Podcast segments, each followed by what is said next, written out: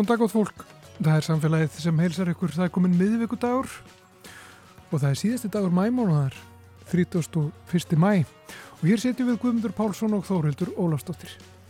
Hvað átt að gera ef þú rekst á mögulegar fornminjar á Víðavangi?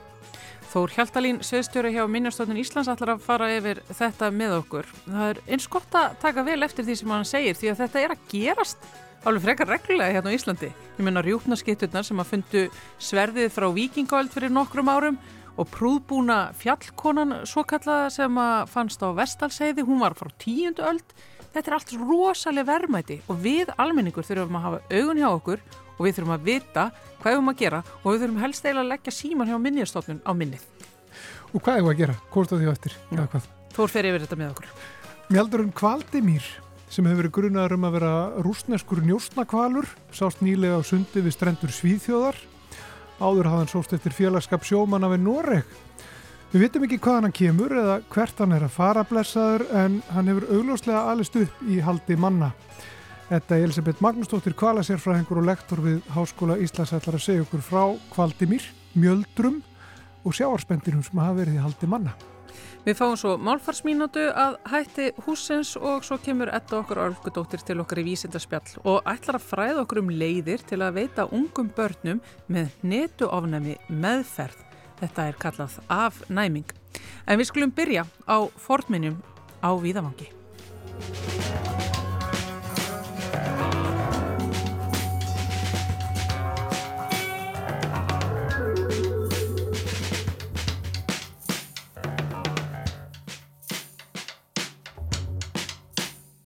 Hjá mér er sestur Þór Hjaltalín, hann er sviðstjóri Minjavarða sviðs hjá Minjastofnun Íslands og hann ætlar að í dag að fara yfir leiðbynningar til almennings um hvað við eigum að gera ef við skildum finna fortgrip á Víðavangi. Sælverdu Þór? Já, sælblessuð. Er fólk mikið að finna fortgripi á Víðavangi? Já, þetta kemur bara reglulega upp. Stöðugt eitthvað að finnast. Við erum náttúrulega hérna búin að búa hér í meir en þúsund ár og ekki nefn að vona að eitt og annað komi í ljós svona sem að fólk hefur skilið eftir sig Já. frá fyrir öldum fornminjarnar eru út um allt Það eru út um allt Já. og hver eru þá fyrstu viðbrögð uh, ef maður skildi rekast á fornleifar? Uh, þetta er spurning kannski um dreifingu minjana við vitum hvar viða, hvar minjar eru Þeir, þar eru náttúrulega bara á gamlum bæjastælum Já. á friðuðum stöðum þar vitu við að eru þetta bara fullt af fornminnjum í jörðu. Uh, en ef þú ert að ganga fram á eitthvað uh, á víðavangi uh, og svona bara frá síðustu tímum eru, eru þetta mörg svo leiðst æmi að þá þartu að, að hafa samband við minnjastofnun Íslands og, og láta okkur vita af, af fundi ef það er eitthvað merkilegt sem að, sem að þú sérð það sem hefur komið núna bara núna síðast til dæmis er svo þetta uh, vikingaldarsverð sem að fannst uh, á Suðurlandi og Hrífunesi. Þar gengur rjúpnaskiptumenn bara fram á þetta sverð og þeir hafðu fljótt samband. Og það sem skiptir svo miklu máli í því sambandi er að, að við getum þá rannsaka staðin strax. Mjög líklegt er á svona sverð komur kumli vikingaldar gröf og þá höfum við tækifæri til þess að aðtúa hvort að sé eitthvað fleira á staðnum og líka að skoða samhengi hlutana. Það er það sem að skiptir, skiptir mestu máli, Já. varðandi svona gripi, að þeir séu ekki teknir úr samhengi. Já, þannig að maður á ekkert að vera eitthvað að róta þeim upp eða taka þau upp eða svona...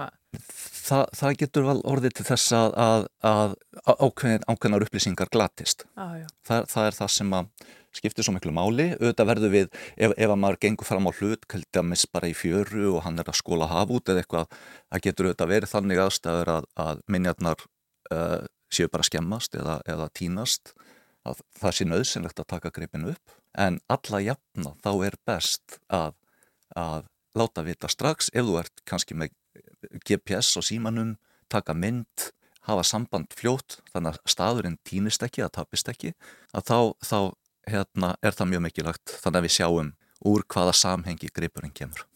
Hvernig veit maður hvort þetta eru fortlefar? Veist, eins og til dæmis með rjóknarskerkundurnar sem að kemur fram á þetta sverð. Veist, það var ekkert kannski augljóst að þetta væri sverð frá vikingaöld. Já, oft er það þetta þannig að, að gripir varðveitast mjög misjaflega og stundum er þetta bara einhverjir rið klumpar og menn get ekki átt að segja á því hvað, hvað þetta er. Uh, menn hafa þetta, það sem við sjáum er svona gerðþróun gripa og, og ef við hugsaum um sverð og sjáum sverð þá er kannski mjög líklegt að það sé eitthvað gammalt mm. og allt það sem er orðið hundrað ára á eldra og mannaverkar á er, eru forngripir, flokkast samkvæmt lögum sem forngripir og, og hérna eru friðaðir og eign Íslenska ríkisins. Já. Það er ríkið sem á þessa gripi eh, þannig að, að hérna jú, auðvitað eins og segir getur verið snúið að finna út því hvort eitthvað sé gamalt, sumt er kannski frá stríðsárunum segjum, uh, einhverjar patrónur og, og dót uh, en, en hérna annað. Eldra þetta er auðvitað bara einhver tilfinning sem fólk hefur. Uh, hvað er gamalt, hvað er nýtt? Já. þetta getur verið oft mjög snúið. Sko það er þannig samkvæmt lögum að allir forngripir eru eign Íslenska ríkisins. Þetta er okkar sameigilega arfleifð og, og saga og, og við erum að reyna að passa upp á, upp á það ef að maður finnur hins vegar grip sem að er úr eðalmálmi, gull eða silfri eða, eða, eða eðalsteinum að þá skal þjóðminjasafnið leggja mat á verkildi gripsins og þá skiptist það þannig að, að landegandi fær helming verkildisins og sá sem finnur hinn helmingin. Þannig að, að, að ríkið greiðir fyrir svoleiðs fundi. Þið eru þá í rauninni og minnjastofnuna bara treysta svolítið á hyggju vit almennings. Þa, það eru þetta þannig. Já. Við viljum gert að fá ábendingar um svona. Uh, ef við tökum bara svona dæmi, annað dæmi til dæmis bara stór, þessi stórkoslegi fundur hérna, fjallkonunar fyrir austan. Já. Það er náttúrulega bara stórkosli saga því að þar koma menn fram á, er upp á fjöllum, upp á heiði og koma fram á, að ganga fram á þar sjá þar nælur bara uh, í, í, á jörðinu upp á heiði uh, og, og tilkynna þann fund til minnjastofnunar svo koma forlega fræðingarnir á staðin og skoða betur og þá fer sífælt fleir og fleira að koma í ljós. Og, og í ljós kemur þá að, að þarna eru, eru leifar uh, af líkamsleifar ungrar konu sem hefur dáið þarna kringum 950, svona miðja tíundöld og af einhverjum ástæðum þannig að lengst upp á heiði þetta er ung kona, millir 20 og 30 og það sem er óvinnulegt við hana er að, og, og spurningarna sem vakna við svona fund. Eh, hvað er þessi kona í fyrsta lagi að gera þarna einu upp á heiðum, hvernig stendur á því að hún deyr þarna uppi? Og hún, það er eins og hún hafi leitað sér skjóls þarna í einhverjum skúta og þegar farið er að leita betur þá er það bæði, bæði bein og svo allt skartið hannar sem að kemur í ljós. Það eru um 600 perlur frá vikingöld og, og brjósnælutnar, þrýblaðanælan og, og, og klæðisprjónar og an, annað skart sem að, sem að hún hefur uh, gengið með og bara svona hefbundin vikingaldabúningur en það sem er sérstakt við hann er bara hvað hann er ríkulegur.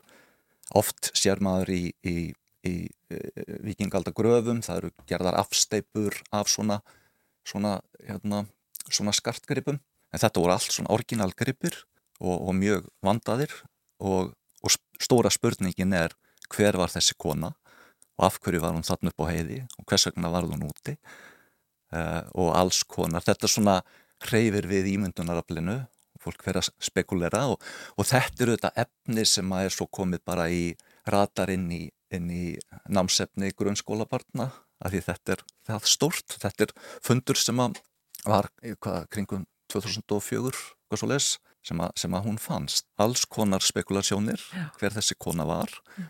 og, og einmitt hreyfir við ímyndunaraflinu og, og, hérna, og það er akkurat þetta. Að koma þeir og, og finna eina nælu eða tvær og svo kemur allt hitt í ljós. Og það er akkurat þetta sem að skipti svo miklu máli að við getum að fáum tækifæri að fræðimenn fái tækifæri til að skoða staðin vandlega þannig að við getum rannsakaðan til fulls Já. og minjarnar ekki teknar úr samhengi.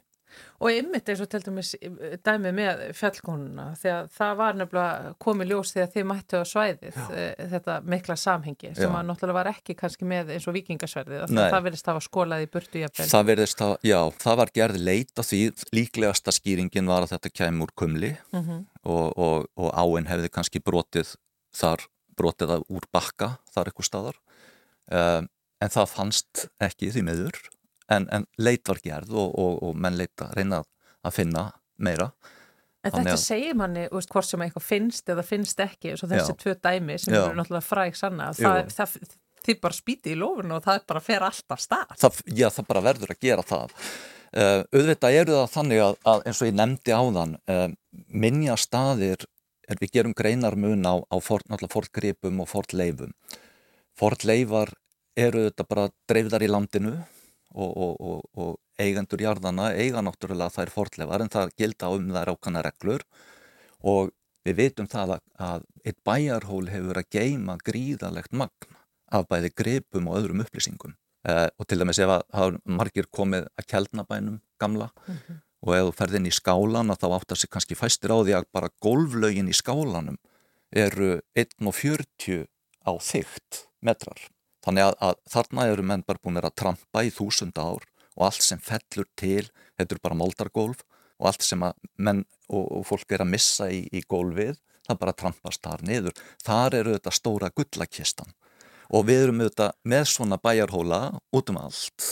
Uh, þeir sem að ferðast um landið sjá uh, á gömlum bæjarstæðum síðasta húsi stendur gjarnan oft ofan á bæjarhól mm. og, og og, og við eigum ótrúlega mikinn auð í þessu. Og Íslandingar áttan sig kannski ekki alltaf á því hvað þeir eiga mikið af forðlefum því að þetta lætur lítið yfir sér, þetta er svona einhver misfellægi landslæginu en eitthvað sem hefur verið að hlaðast upp í, um aldir, eh, eitt eh, stórvirt tæki í dag getur mókaðus í burtu á dagparti án þess að það sé skoðan eitt nánar. En með því er bara verið að reynsa í burtu sögu heitlar jarðar í einu vettvangi. Hvað er það þá bara ekki og, það versta sem að er hægt að gerast fyrir þína kollega að, að, að það séu um eitt ef landegundur í Frankvæntahög að fara í næstu þúst? Þess vegna erum við með eh, ríkistofnun sem er að reyna að passa upp á þetta og, og við skoðum öll skiplagsmál og framkvæmdir sem að stórframkvæmdir sem er í gangi þannig að við erum að reyna að beina beina mönnum frá þessu eða í það minnst að rannsaka staðina áður en farið er í framkvæmdir. En, en málið er líka að, sko við eigum, eins og ég nefndi, við eigum þennan mikla auð því að, að viða í Evrópu er bara búið að plæja upp bara hvert lofastóran blett. Við eigum heilu dalin af þessu og ég held að fólk átti svo ofta ekki á því hvað við erum í rauninu auðug af bara vikingaldar og, og miðalda minnjum í landinu og svo mikið sem er þá eftir að aukvita. Hvar er líklegast að það gerist þór? Ef þú tekur þjættleika fornminja og kannski svona vinsala gungustadi eða vinsala ferðamannastadi í dag. Já, já. Það, sko það eru þetta bara á fornum leiðum, ferða ykkurum leiðum yfir, yfir, yfir fjallvegi og annað. Mjög margt af því þessum lausagripum sem hafa fundist á, á undanförnum áratögum og uh, er, kemur auðvitað vegna framkvæmda af einhverju tægi. Til dæmis stóru silfusjóðirnir uh, eins og í Gullverabæ, uh, Ketu og Skaga, uh, miðhúsum, það kemur í ljós við framkvæmdir silfusjóðirnir og sömu leiðis bara, ég menna, land er að blása upp, hafusbjarnakumlið til dæmis á Reykjanesi, bóndin sér glitta í bein, svo kemur þetta kuml fram, kuml koma gerðnan líka og oft hafa komið upp í tengslu með vegagerð Þannig að þetta kemur óvænt upp og, og þá þarf við þetta bara að hafa samband við, við minnjastofnum sem þarf þá að skoða, skoða staðinn. En svo eru þetta svona eins og þessi dæmi, þessi tvö svona sérstöku dæmi, það sem að upp á fjöllum, það sem að til dæmis, til dæmis fundust, fundu við með drúpnaskettur þess að atgeira þrjá á grísta tungufjalli fyrir norðan, kemur Eh, hérna í 700 metra hæði eða svo. Já, já, rúpnaskiptur eru náttúrulega einhver starf alltaf út í raskat það er frábært að þær sé að finna allt eitthvað svona. Nákvæmlega, þannig að þetta finnst kannski einhver starf á fjallvegum, einhver svona óvæntir gripir sem eru skemmtilegir og sérstakir. Uh, en, en annars, að öðru leiti eru þetta eitt stæsta minjavöslu vandamál í dag er landbrot við strendurlandsins ja. og þar eru til dæmis bara heilu bæjarhólanir að, að brotna í sjó og þá getur maður alveg séð þessi, þessi gólflög komið ljós og þar er, eru gripir og þetta er náttúrulega stormál fyrir okkur að eiga við hvað hérna náttúrann er oft hérna vinnur sitt verkuð þetta. En, en hérna, og, og það sama við um uppblástur núna bránun jökla og annað minjar geta komið undan jökli. Þetta eru menn að gera út í e, Noregi til dæmis það sem, að, sem að, að snjórin er að brána mjög mikið af, af minjum að koma í ljós undan, undan snjónum. Eru þið ekki bara með öndina í hálsunum alla dag? Verkefnið er, er mjög stort það er óvægt að segja það. Og minjarnar eru víða. En við erum að, sko sérstaða fordlefa rannsókna, getur við sagt, er svo að við erum að fást við þessa minjar eru í rauninni óendur nýjanleg auðlind. Það er að segja að það sem þú grefur einu sinni, það grefur ekki aftur, þá er það farið. Í náttúruvísindum að þá getur þú farið út í náttúrun og gert sömu tilraunina aftur og aftur og aftur. Í fordlefa fræði þá hefur bara eitt tækifæri þú grefur á einhverjum stað bara einu sinni og þá er það farið. Eh, þannig að, að þú grefur í rauninni burtu frumheimildirnar sem þú hefur. Og þess vegna er auðvitað allt þetta regluverk og ríkistofnun til að halda utanum þessa hluti. Það þarf leiði til forlega rannsókna og það er þetta sem við verum auðvitað að passa líka þegar fólk gengur fram á eitthvað merkilegt að við höfum tækifæri þá til þess að, að skoða staðinn þannig að við séum ekki að tapa einhverjum upplýsingum sem að gefur gripnum og gripunum gildi sem að, sem að finnast. En Þór, ef maður dregur alltaf það saman að það er gríðilega mikil verðmæti en þó ófundin á Íslandi Já. ætti almenningur kannski að leggja sig eftir því að leita, bara ganga í lið með ykkur fordlega fræðingunum. Ég minna það er tíska út í heimi og mikið á samfélagsmiðlum þar sem að fólk er með málumleitartæki bara út á víðafangi í rauninni fortlefa leitt smá Indiana Jones feelingur að gera er?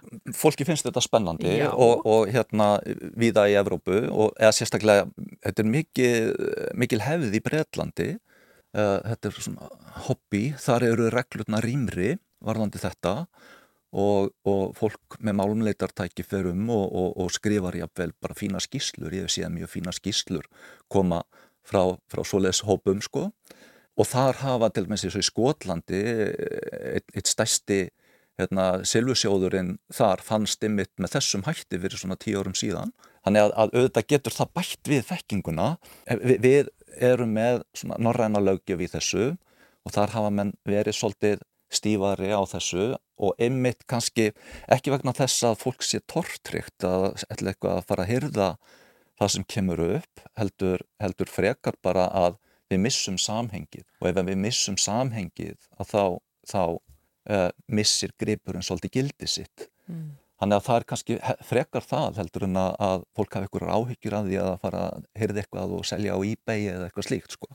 en, en ég held að það þurfi bara að móta betur stefnu um þetta og þetta samstarf uh, það, hér á árum í, í eldri lögunum frá 2001 þjóðminna að þá var óheimilt að nota málumleitatæki nema með leiði þjóðminjavarðar.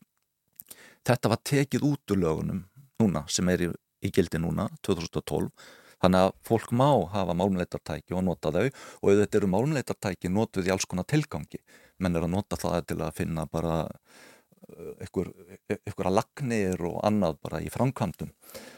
Uh, þannig að eitt er tækið og annað að, að grafa. Þú getur átt stóra gröfu og mátt nota hana en þú mátt ekki grafa í, í, í fordlevar með henni.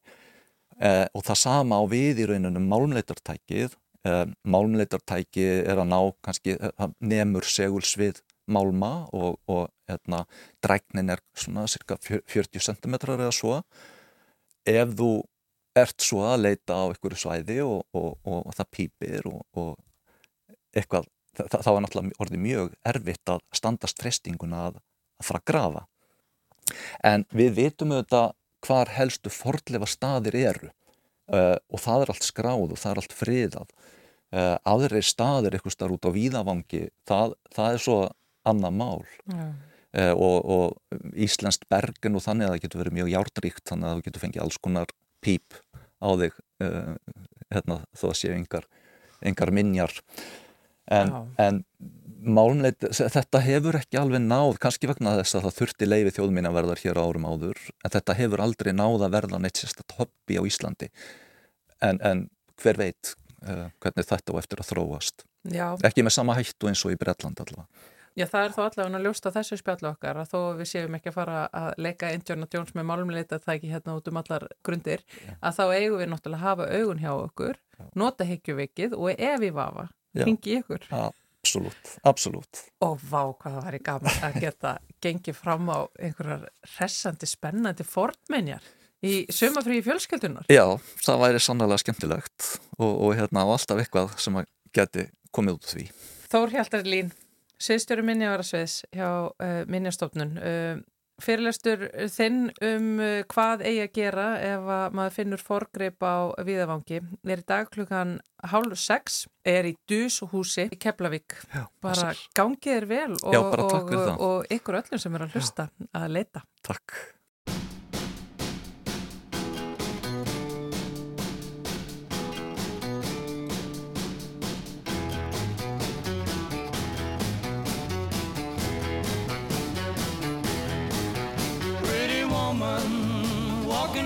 the street, pretty woman, the kind I like to meet, pretty woman.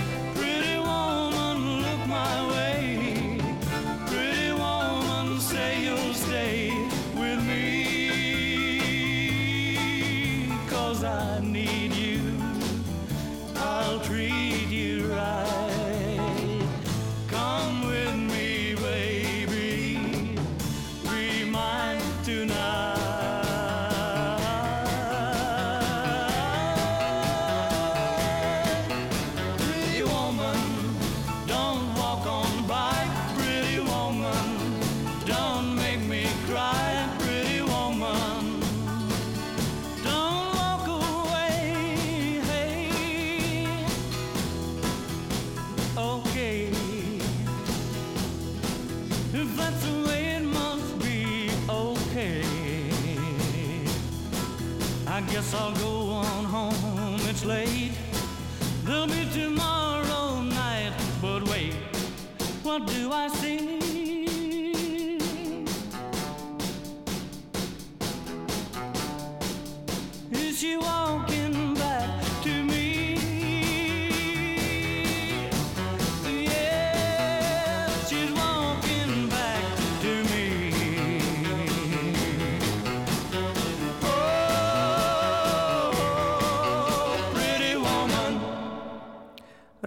Orbison með lægið Pretty Woman. Við ætlum að tala aðeins um kval sem er kallar kvaldimýr. Þetta er mjaldur sem að sást fyrir uh, hvað fjórum áru síðan við Noregstrendur fyrst og uh, hann er afskaplega vingjallegur og félagslindur og hefur svona gefur sá tal við sjómenn gerði það þarna við Noreg uh, og það sem vakti sérstaka aðtegli fyrir utan það þarna var mjaldur að, að leita að samskiptum við fólk er að hann var með einhvers konar beistli á sér, þessi mjaldur. Og uh, það var mert uh, Pétursborg og þetta var beisli og á þessu beisli var festing fyrir myndavill, GoPro myndavill og það vöknuðu spurningar um hvort þetta væri mögulega rúsneskur njósnamjaldur. Það er ekki komið á reynd, við vitum það ekki, en það sem hefur gerst núna er að Kvaldimir, eins og hann er kallaðar þessi, þessi mjaldur, hann uh, sást núna við strendur Svíþjóðar og virðist vera bara ágætu stuði. Hún er sest hérna hjá mér Edda Elisabeth Magnúsdóttir, uh, hún er kvalasérfræðingur og uh, lektor í líffræði við Háskóli Íslands. Verður velkominn til okkar. Takk hérlega. Þarna er, er uh, mjaldur, þetta er afskaplega fallegt dýr Mm. og vinalegt, virðist vera brósmildur, þannig á svipin, já, já. uh, sem, að, sem að er að, að vekja mikla aðtekli Já, þessa dagana. Hann virðist vera okkur ferðarlegi. já, einmitt. Það er svona erfitt að segja þegar allt í hennu byrtist eh, greinilega bara tamið skástrygg vilt dýr. Uh, hann er á okkur ferðarlega þarna niður eftir, búin að vera í Noregi og hvað sást í, í Svíðþjóð uh, og, og svo er fólk að þetta velta fyrir sig hva, hvað er, er fyrir stefnu eða hva, hvað hefur hann fyrir stafni, kannski betra að segja. Það er búinlega erfitt að segja en vissulega ef við skoðum bara aðeins mjaldra, hvað eru, eru þessi dýra eiginlega? Já, þetta eru tannkvalir, þeir eru náskildir uh, hérna nákvölum og eru svona mjög hánorrannir kvalir aðlagaðar að ís og, og, og köldum aðstæðum en þeir eru líka ofbúslega félagslendir og þetta eru dýr sem að hafa aðlagast uh, eða getur kannski sagt svona fél, uh, hérna, félagslega þróast í svona hóp uh, fjölskyldu aðstæður. Og það er náttúrulega partur af í rauninu velgengni margra dýra að það er svona þessi hópamyndun og samvinna.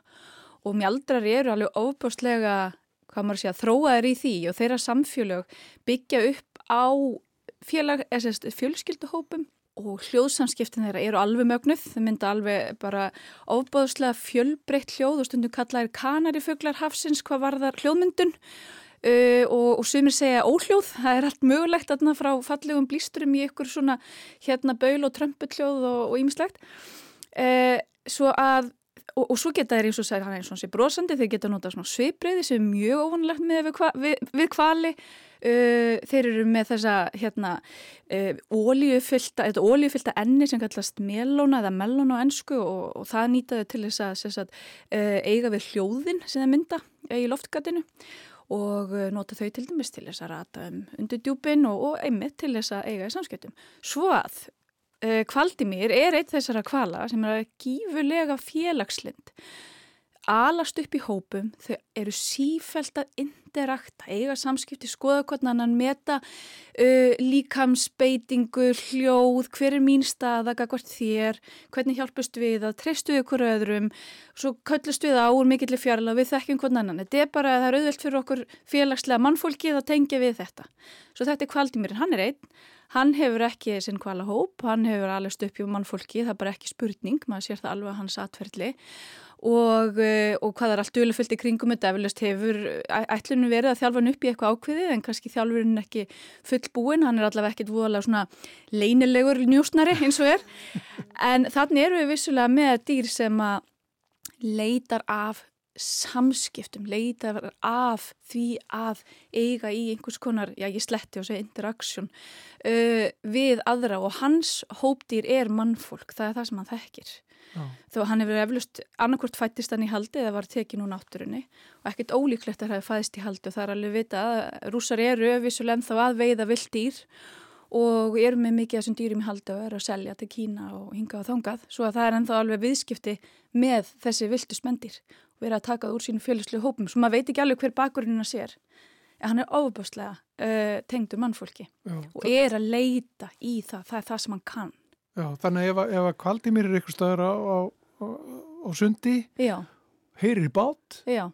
eða sér bát, eða átt að segja að það er bátur nálagt, þá hugsa hann, heyrir, þannig er tækifæri til að eiga samskipti. Já, þetta þekk ég, þannig get ég hérna fundið eitthvað, þetta er kannski nýr hópur sem ég get verið með.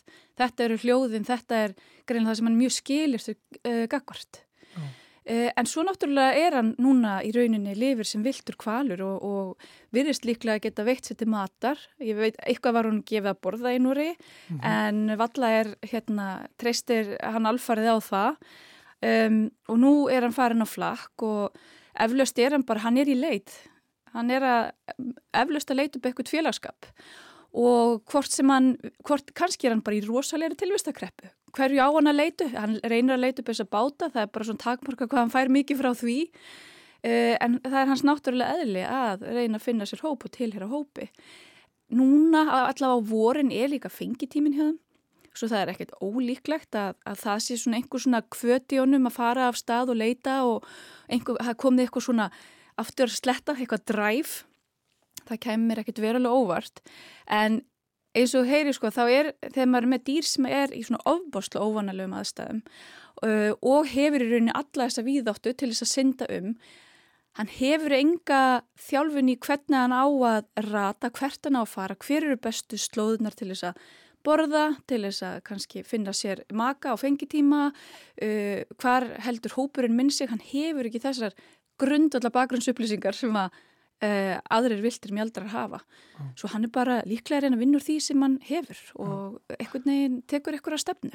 Ah, Hann kannit ekki? Hann kannit ekki, nei það er alveg ekki spurning og svo er hann líka á óvanilegum stað fyrir mjaldur.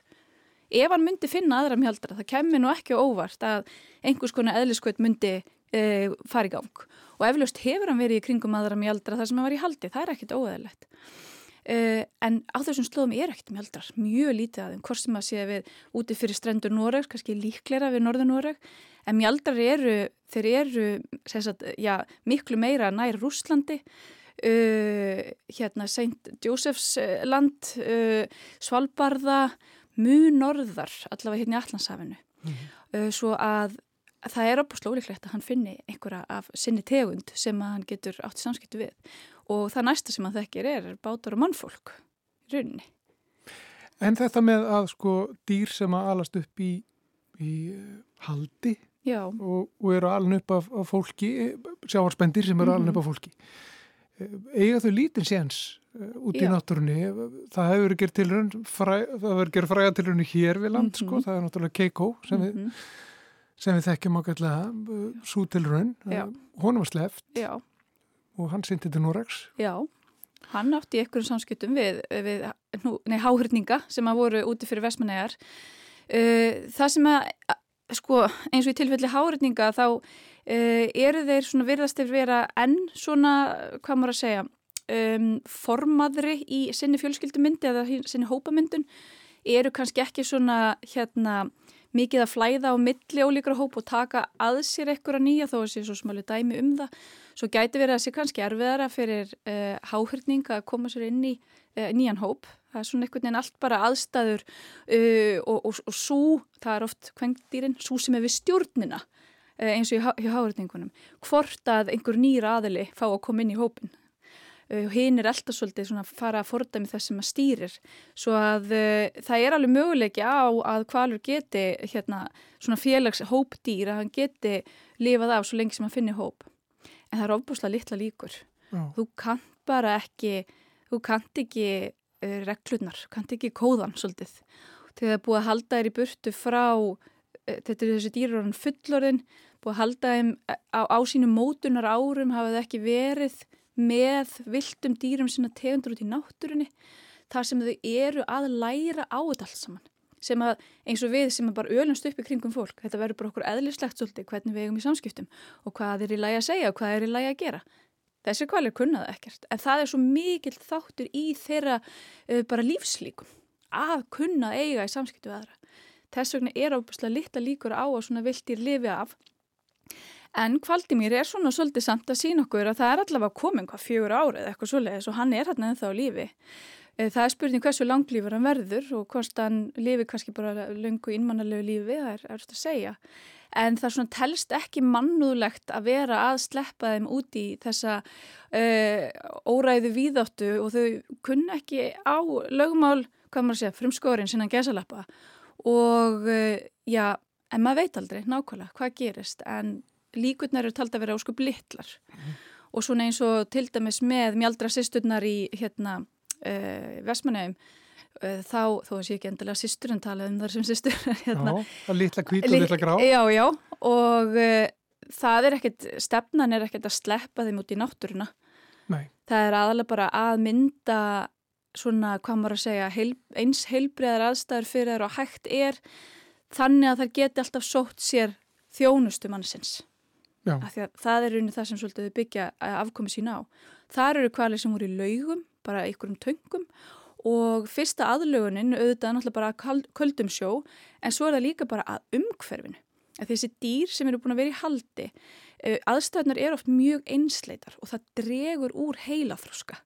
Það gerir það fyrir öll spendir og fuggla og eflaust bara flest dýr en það er dýr sem hafa verið rannsökuð mestur er spendir og fugglar og ef þú ert í einsleitu umhverfi, ekki með fjölbreytta örfun, það verða bara vitsmunarlegi þroskiðin, það er mjög líklega að hann verði takmarkaður.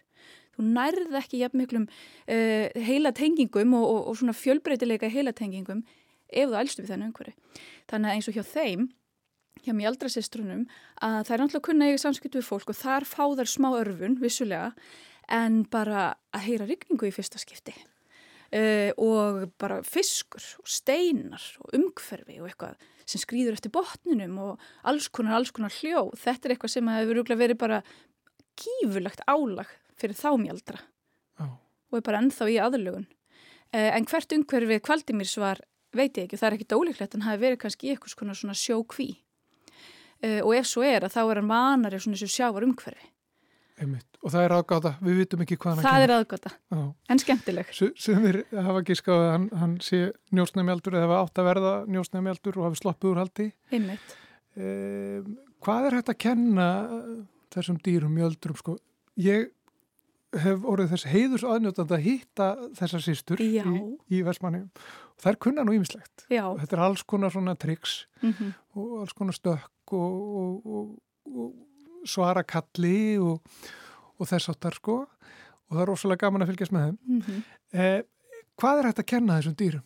Er hægt að kenna eins og Kvaldimír var hægt að kenna honum að, að taka myndir Já, með, með leinilega og, bara, og fara á ákveðna staði og, og sinna ákveðna verkefnum. Já, það er hægt að kenna þessum dýrum allt mögulegt. Og það eru þau dýr sem við höfum kannski geta kent hvað mest það eru þessi hópdýr. Þeirra svona grunn heila uppbygging er bara þannig gerð að hún er sífælt að uh, finna sér hlutverk, sífælt að reyna að lesa og læra í uh, sagt, aðra aðila, uh, reyna að finna sinn stað og sess og ef þú ekkert neginn ert í þessu umhverju þar sem að þjálfverðin er svona greinilega alfa og sá sem að stýrir að, og þú græðir á því að gera það sem að þjálfverðin eða hópstjórin segir að þá leggur þú bara mikið metnað í það. Það er, það er jákvægt fyrir þig uh, og það er, þess vegna eru hópdýr eins og til dæmis hundar alveg ofbáslega góðir í þjálfun, miklu betur en kettir sem eru miklu meiri hérna, einfarar. Uh, mjaldurinn þetta er rauninni bara takmarkast kannski af þjálfaranum og hans líkamlegu getu. Hann er náttúrulega með reyf, eða ekki reyfa, heldur hérna baksli heitir hann víst í kvölum og sporð og er vissuleg ekki með hendur og þumal og svona þannig að þetta kannski takmarkast við það mm -hmm. uh, en höfrungar hafa til dæmis mikið verið notaður í hernalegum tilgangi að leita uppi sprengjur, jafnvel aftengja sprengjur og njóstna taka myndir uh, svo að uh, það hefði verið hægt að þjálfan alveg eflaust bara í mjög nákvæma vinnu Já. og nýtan kannski til að taka upp vídeo af uh, einhverjum neðan sig á strengjum og ímislega sem getur ímyndað sér að sé svona uh, mikilvægt hvað var þar hernað. Nú að við þórum breyst daldi mikið undarfæran ár, gagvar tíð að vera með, með kvali í, í laugum og, og láta hoppa ykkur að ringi og Og, og sína og dansa og skemta fólki. Þetta hefur breyst svolítið mikið en þetta er ennþá. Meina, já, þetta já. er bara, þú þarf ekki að fara langt sko, til, þess að, til þess að sjá uh, sérstaklega kannski höfrunga mm -hmm. Og, og svo var á tímabili voru einmitt háhyrningar alveg, já, já, einmitt er þetta, og, og mjaldrarsýstundar koma nú Mhm. frá Kína mm -hmm. þar sem þær voru til sínis og, og voru bara fólki til skemmtunar um, er þetta ennþá er töluvert um, eru margir kvalir sem eru bara í, í haldi og þá í laugum. Það eru, já, það var mjög margir út um allt og í þeim löndum sem eru farin að vera með mjög stránga reglugerðir. Tilfelli eru þetta að þetta eru langlíf dýr og lifa upp, já, 40 ári haldi kannski, alveg gætu flestir þessara höfrunga, geta orðið 30, 40, 50 og sumið 60, 70, 80 ára gamlir. Þannig að þetta eru langlíf dýr og uh, þau hefur, sérstætt, hérna, uh, mörg þeirra hafa fæðst í görðum Og, en það er bannað að veiða það. Það er bannað að sækja þessi dýr vilt út í náttúrunni. En þau eru önþaðarni í görðum og það er í rauninni, ef, við, ef þeim yrði bara öllum sleft, að líklega væri það bara kannski hægur döðdægi fyrir mörg þeirra og uh, þannig að svona siðfyrslega spurningin er hvað eigum við að gera við þessi dýr? Og í raunin eru bara gardar ennþá í fullri hérna starfsemi. Og finnur þetta víða á Spáni og hér og þar í Evrópu. Margir Íslandingar hafa farið á háhörningasýningar í Tenerife uh, og en, en það sem er svona kannski ennþá það sem mikil, já ég var að segja að hægir á þessari framfyrir er þessi svæði eins og Rúsland og Kína það sem að uh, viðskipta á þessum dýrum eru ennþá í gangi og er frekar að aukast en eitthvað annað. Sem það sem þarf við þetta að gera er að, jú, kannski bara dýrin fá að lifa át sinn æfi, eh, sinn æfi dag á þessum stöðum og það sé bara komið algjörlega, komið veg fyrir að þeim sé fjölgað. Fá ekki fjölga sér. Um, og eins og ég sagði áðan, þá uh, það að vera í svona tanki er bara, grimmar aðstæður. Þetta er bara mm. ljótt, geti bara ímyndað ykkur að vera með hund í búri, þeir sem eigið hund uh, alla sína æfi sem er með mjög takmarkað umhverfi en hann fær eigið samskiptum við ykkur svona, mm -hmm. og, og fær alltaf til þess að fá matinn sinn ef við setjum þetta samingja því við þekkjum það betur og mörg okkar hafa tengst hundum að þá sjáum við strax að þetta er mjög grimmulegt og þegar bara við erum bara hafað í huga ef við förum á svona síningar dýrin er að hoppa og stökka og, og skvetta ekki búið að stuðja að sé vegna þess að því finnst það svo ofbáslega gaman Það er að gera þetta vegna þess að fæ mat fyrir þetta, það er að fæ umbun fyrir að gera þetta. Það er búið að skilir það þessi dýr og þetta er allt annað en það sem við eigum að vera að gera ennþá í dag. Því miður eru ennþá að þessu. Ég set eh, Vestmanæjar og, og Mjaldrahópin alls ekki í samaflokk vegna þess að þarna er verið að reyna að leita að mann, einsmannulegum aðstæðum og við getum búið upp á án þess að henda þeim út í opna haf. Uh, en þær eru teknar úr slæmum aðstæðum. Svo að það er vissulega jákvægt og, og hefur alveg verið talað um að það mætti vera meira af einhverju svona. Það sem að þau geta verið á eftirlaunum í aðeins svona uh, heilbriðar umhverju fyrir, fyrir þessi dýr. Og svo er náttúrulega þetta, er, það er streyta sem að fylgir því að, að búa við svona aðstæður. Alveg. Og þú nefnir nú hunda á hann, sko, við getum líka bara tekið nærtakara dæmi um önnur spendir sem er bara við sjálf. Já, algjörlega. Bara, og það við svo sannlega gera, því að hvað eh, eru kannski nær, enn nær okkur hvað var þar vitsmunni ef við ætlum að reyna að setja okkur, byrja okkur saman vitsmunarlega. Við erum svo öll svo þróið samt að ólíkum þáttum. En eh, svo sannlega, ef við smiðmannesku í lokuðu, afmörkuðu rými allt sitt líf og ef við segjum, hugsaum okkur manneskjuna sem svona meira náttúrulegt fyrirbæri heldur en inn á steinsteipin í borgum að þá er okkar náttúrulega búsvæði ekkert svo íkja stórt miða við kvalin. Kvalur er með þúsundir bara ferkilometra sem er hans náttúrulega svæði. Þannig að þetta er eins og væri kannski með bara mannesku í tunnu, lítill tunnu, alla efi, ef við ætlum að setja í eitthvað starðar samhengi. Þannig að við erum að taka þau úr alveg, úr svo brey, við erum að breyta umhverfið þeirra svo gífurlega og setja því svo ofbáslega ánáttúrulega aðstæður og eina sem að kannski heldur þessum dýrum gangandi eru samskipt við þjálfvaran. Svo náttúrulega sjáum við á þessum stóru dýrum eins og hárningunum að það hefur bara of ofta enda þannig að þeir drepi þjálfvarna sína. Einu manneskjuna sem kannski var að uh, hérna gefa þeim einhvers konar hérna, umbun en þetta manneskja sem að eða, uh, vera sem að er samt að pressa pressaðu, valdaði meira, meiri, hérna, meira stressi, meira álægi og það er mörg álags enkenna á þessum dýrum, þau eru að naga sér niður í holdið á, á hérna, uh, laugarbrúninni eða í einhverjum rimlum á botninum og eru að skada sig oft. Svo þetta er alveg svona sálræn vandamál og, og uh, áfalla streytur öskun er bara held ég meirum en að gegnum gangandi hjá þessum dýrum. Svo þetta er ekki, þetta er ekki fallið mynd sem ég er að draga upp að þessu en hún er, hún er sönn. Við ætlum að ljúka þessu á þessum, þessum sorgluðu nótum hreinlega.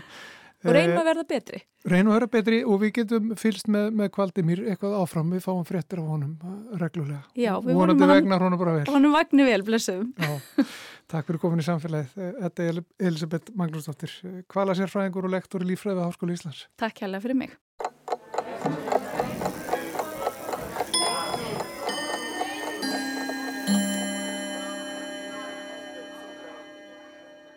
Orðaforða málsins er stundum skipti opna og lokaða orðflokka. Það má auðveldlega mynda nýja orði í opnu orðflokkunum en þeir lokuðu taka síður við nýjum orðum. Fornöfn eru oftast talin til lokara orðflokka og sagt að ekki sé hægt að bæta við á nýjum orðum. En er það rétt? Nei, það er ekki að öllu leiti rétt.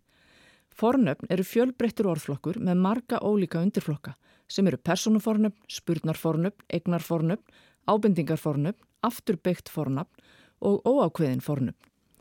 Fornafnaflokkar hafa raunar tekið ímsum breytingum í gegnum tíðina, engum personufornöfnin og óákveðinu fornöfnin. Það gerist þegar þörf krefur og þá breytast þessir annars frekar lókuðu orðflokkar. Kanski hefur ekki verið eins mikil þörf fyrir breytingar í hinnum fornafnaflokkunum og ef til vil eiga þeir eftir að breytast síðar.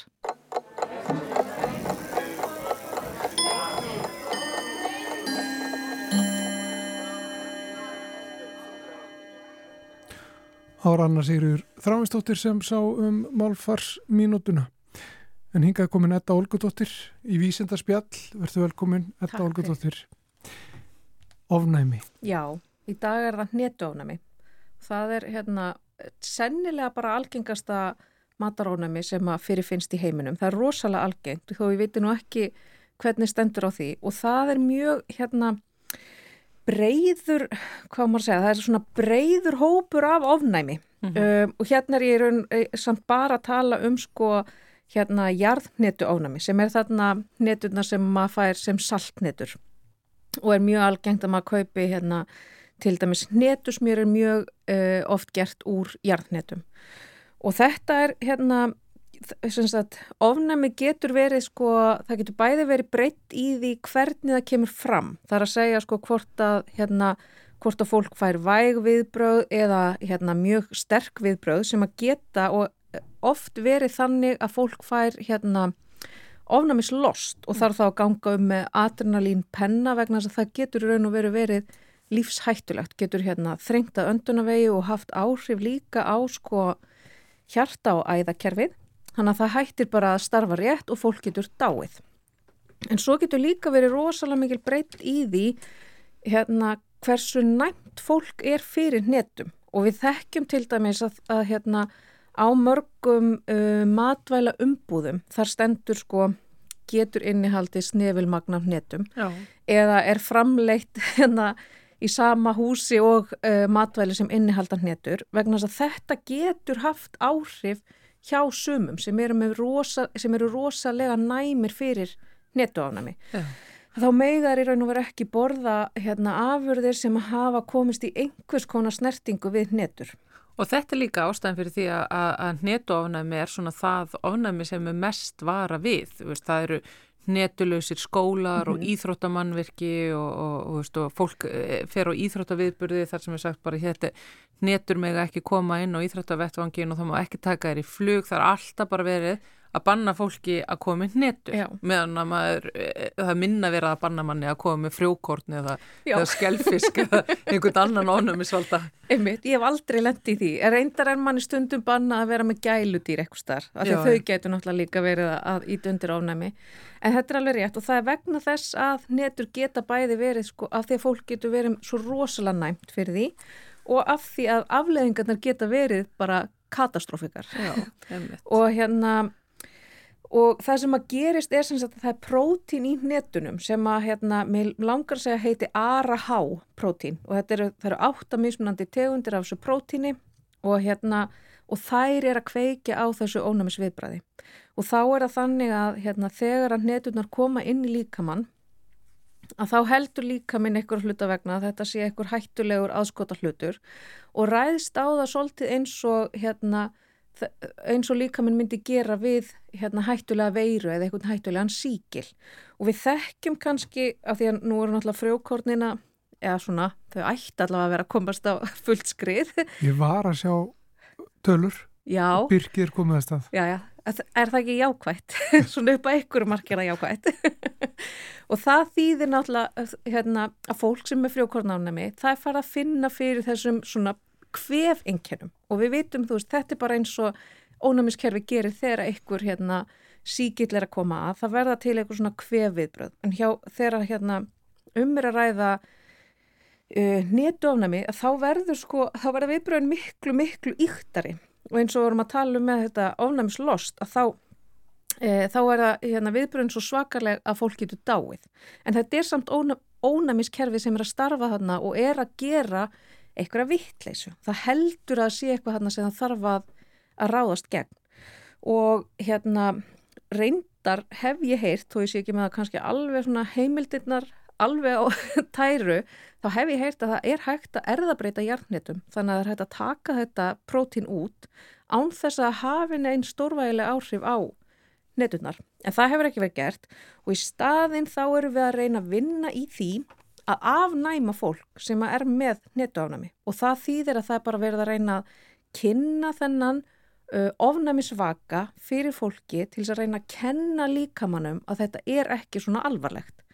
Og í hérna e, tilfellum netuánamis þá hefur það verið gert þannig að fólk fær bara litla skamta af netuprótínu og borðar pínu litla skamta af netuprótínu uh, og það þarf að gera það reglulega yfir æfina og fyrst fær það bara, fær það bara pínu, pínu, pínu litla skamta og svo er, er skamturinn alltaf stækkaður þanga til að þau eru komin upp í eitthvað skamt sem að sko er hérna, veist bara viðmiðina skamturinn þannig að þú, þó að þessi skamtur veist, fólk þarf kannski að passa sig á hnetum alla æfi en þó að það fengi þennan skamt í matvælum þá hefði það ekki áhrif og það náttúrulega fer svolítið eftir hvar næmið er í upphafi. Mm. hvar, hversu hátt getur um miðað.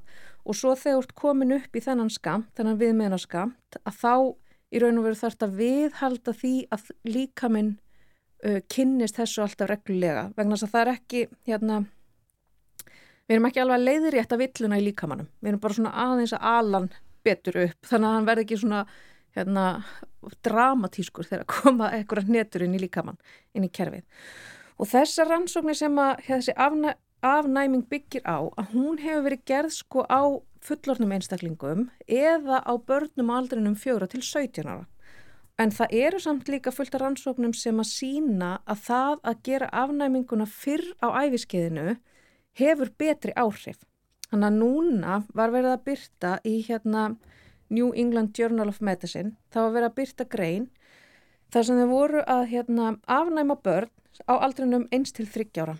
Og þau eru hérna með svona cirka 350 börn og þau fá svona plástur Uh, reyndar setja plásturinn hérna á milli herðablaðana af því að, að því að börn kannski myndi bara krópan af sér já. Já, þannig að hann settur á milli herðablaðana þannig að þau ná ekki í hann. Og plásturinn er með svona smávægilegu netuprótini í og þeim, sagt, þeim er skipt upp í tvo hópa. Annars vegar er það þeir sem fá netuprótini og hins vegar þeir sem fá livleisu og svo eru bara fylst með þeim, þau fá í hérna 12 mánuði á hverjum einasta degi fá þau þessa plástra. Og það fylst með þeim og þetta er allt saman gert bara undir læknishendi vegna þess að maður veit náttúrulega ekki alveg hvernig hérna líka minn bregst við. Og svo fylst með þeim og svo eftir hérna semst í upphafi rannsóknarinnar þá mæla þau næmi barnana á hnetum og eftir 12 mánuði þá mæla þau aftur næmi barnana og að meðaltali hjá barni sem er sko e, næmt upp á um það byrj einan hnetu, það, það myndir sem sagt vekja ónæmisviðbröð að það barn eftir tilraunina getur það barn uh, borðað þrjár til fjóra hnetur án þess að, að verða fyrir án þess að ónæmisviðbröðin komi fram.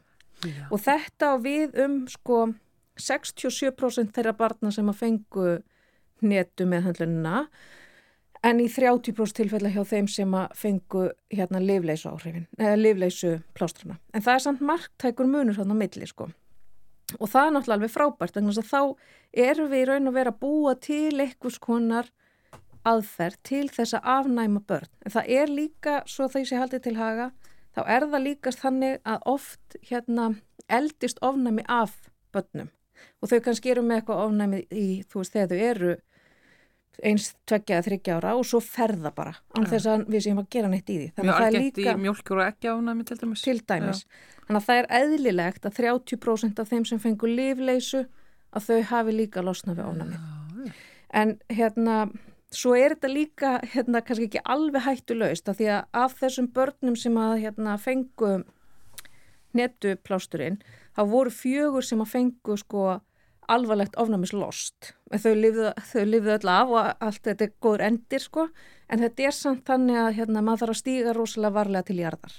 En það voru semst fjögur börn af 244 sem að fengu alvarleg ofnæmisviðbröð En það er náttúrulega til enga síður mikils að- vinna og svona þrátt fyrir þetta af því að sko ég veit að foreldrar barna með netóánami eru oft bara með hjartað í buksunum uh, yfir því að, að, að hvað getur gerst ef að barnið er með svæsi netóánami og talningi um að það getur bólna svona upp bara mjög fljótt og, og hérna þetta er bara ríkalega tilhugsun fyrir alla foreldra. Mm -hmm. Vistu hvað fyrir hann á heimili þar sem að eru netur í skál, M&M neturnar, mm opin netu, smjörskrukka bara allt þetta sem að, veist, er inn á heimil Já. og þessan er náttúrulega búið að banna þetta úr íþróttamannverkjum og skólum og allt þetta sko, en þú getur ekki alltaf verið eins og þyrla yfir barninu þínu. Nei, þetta er náttúrulega mjög erfitt Þetta er hrikalegt og mjög mikil hérna, til mikils að vinna fyrir lífskeiði þessa einstaklinga sko, að geta, hérna, að þurfa ekki að passa sig jafn rosalega, að geta borða það sem að inniheldur snefilmagna hnetum af því að